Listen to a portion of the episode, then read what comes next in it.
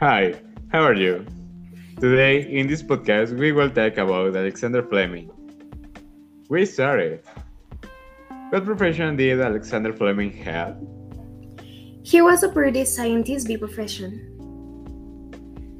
Where he worked? Rector of the University of Edinburgh. What was he investigating? Microbiology, mycology, pharmacology, and immunology. Okay. What was the fact that caused it? Fleming became famous and recognized the worldwide thanks to two extraordinary and semi-accidental discoveries. The discovery of lysozyme and the discovery of penicillin. Wow. What if Fleming had been astonished? If he had not taken importance to the understanding the simple of time, he will never have discovered penicillin. Very good. Thanks for joining us afternoon. Goodbye. Of course, goodbye.